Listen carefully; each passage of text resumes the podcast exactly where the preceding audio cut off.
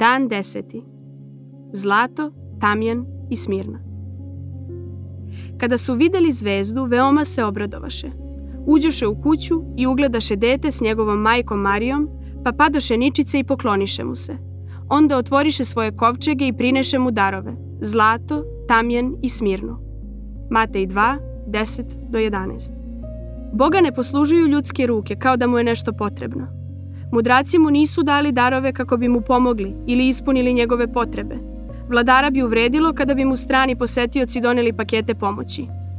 Ti darovi isto tako nisu bili mito, jer u ponovljenim zakonima 10.17 piše da Bog ne prima mito. Šta su ti darovi onda značili? Na koji način su bili izraz slavljenja?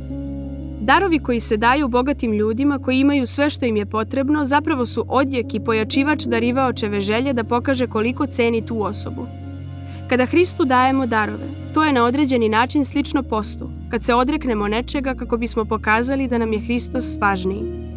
Kad Hristu date takav dar, zapravo mu poručujete radost koju tražim, zapazite Mateja 2.10, kada su videli zvezdu veoma se obradovaše, ne potiče od nade da ću se obogatiti razmenjujući se s tobom ili pregovarajući o nekakvoj plati. Nisam došao k tebi zbog tvojih stvari, nego zbog samog tebe. Sada pojačavam tu želju i iskazujem je odričući se ovih stvari, u nadi da ću još više uživati u tebi.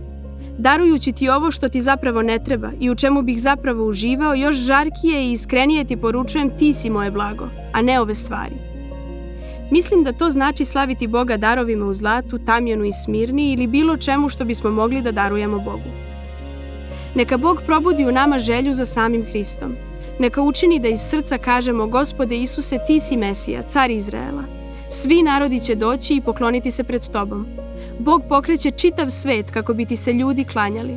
Stoga bez obzira na protivljenje koje će me možda snaći, s radošću priznajem tvoju vlast i veličanstvo i donosim ove darove kao znak da jedino ti možeš da zadovoljiš moje srce.